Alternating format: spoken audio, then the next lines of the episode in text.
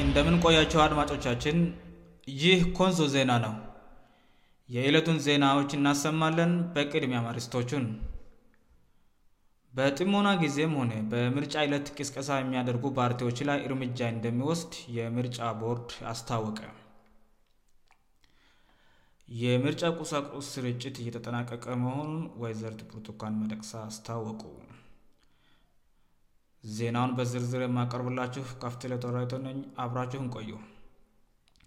በጥሞና ጊዜም ሆነ በምርጫ ይለት ቅስቀሳ የሚያደርጉ ፓርቲዎች ላይ እርምጃ እንደሚወስድ የምርጫ ቦርድ አስታወቀ የኢትዮጵያ ብሔራው ምርጫ ቦርድ ሰብሳቢ ወይ ዘርት ፑርቱኳን እንዳብራሩት የምርጫ ቅስቀሳም ሆነ መልእክት የሚያስተላልፍ የፖለቲካ ፓርቲ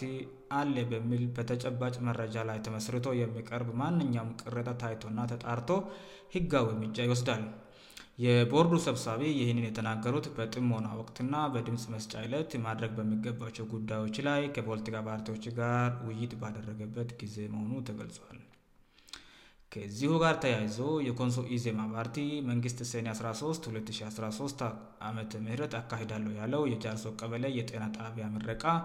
ከጥሞና ጊዜ ህግ ጋር ይጋጫል ሲል ለምርጫ ክልል ጽህፈት ቤት አበቱታ አቅርቧል ምረቃውም ከምርጫ ቀን በኋላ መደረግ እንዳለበትም አሳስቧል የምርጫ ቁሳቁስ ስርጭት እየተጠናቀቀ መሆኑን ወይዘር ትጉርቱኳን መጠቅሳ አስታወቁ የምርጫ ቁሳቁስ ስርጭት ወደ መገባደዱ መሆኑን የብሔራው ምርጫ ቦርድ ሰብሳቢ ወይዘር ትጉርቱኳን መጠቅሳ ተናግረዋል ፖርዶ ከዚህ በፊት የመራጮችን ዝገ መመዝገቢያ ቁሳቁስ ሲሊክ ከርቀትና ተደራሽነት አንጻር ያጋጠሙ ችግሮችን ታሳብ በማድረግ በተለያዩ ሁኔታ ቅድሚያ በመስጠት መስራታቸውን ወይዘር ትኩርቱኳን ገልጸዋል ቦርዱ ከዚህ በፊት የመራጮችን የመመዝገቢያ ቁሳቁስ ሲልክ ከርቀትና ተደራሽነት አንጻር ያጋጠሙ ችግሮችን ታሳቢ በማድረግ በተለያየ ሁኔታ ቅድሚያ በመስጠት መስራታቸውን ወይዘር ትኩርቱኳን ገልጸዋል ቦርዱ ሰኔ 14 ቀን በአብዛኛው የአገርቱ አካባቢዎች የሚያካሄደውን አጠቃላይ አገራው ምርጫ በተሳካ ሁኔታ ለመፈጸም የሚደረጉ ዝግጅቶችን እያጠናቀቀ መሆኑንም ነው የቦርዱ ሰብሳቢ እየገለጹት በጸጥታና በተለያዩ ምክንያቶች ምርጫ ጳቁሜ 1 ቀን 2013 ዓ ም በሚካሄድባቸው የምርጫ ክልሎችም እየተደረገ ያለው ዝግጅት በምርጫ ቦርድ በኩል እየተጠናቀቀ መሆኑን ገልጸዋል ምርጫው የተሳካይ እንዲሆን የጸጥታን የማስከበር እና የህግ የበላይነትን የማረጋገጥ ሁኔታ ከመንግስት እንደሚጠበቅም ወይሰርት ቡርቱኳን ተናግረዋል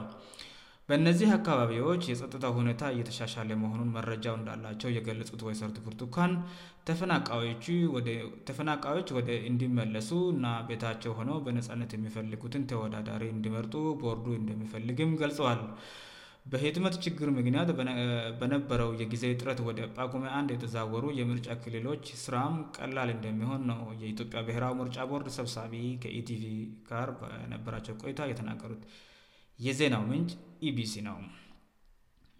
ዜናውን ከማብቃታችን በፊት አሪስቶችን እናስታውሳለን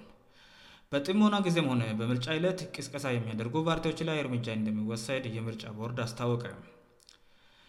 የምርጫ ቁሳቁስ ስርጭት እየተጠናቀቀ መሆኑን ወይዘር ጥብርቶካን መደቅሰ አስታውቅ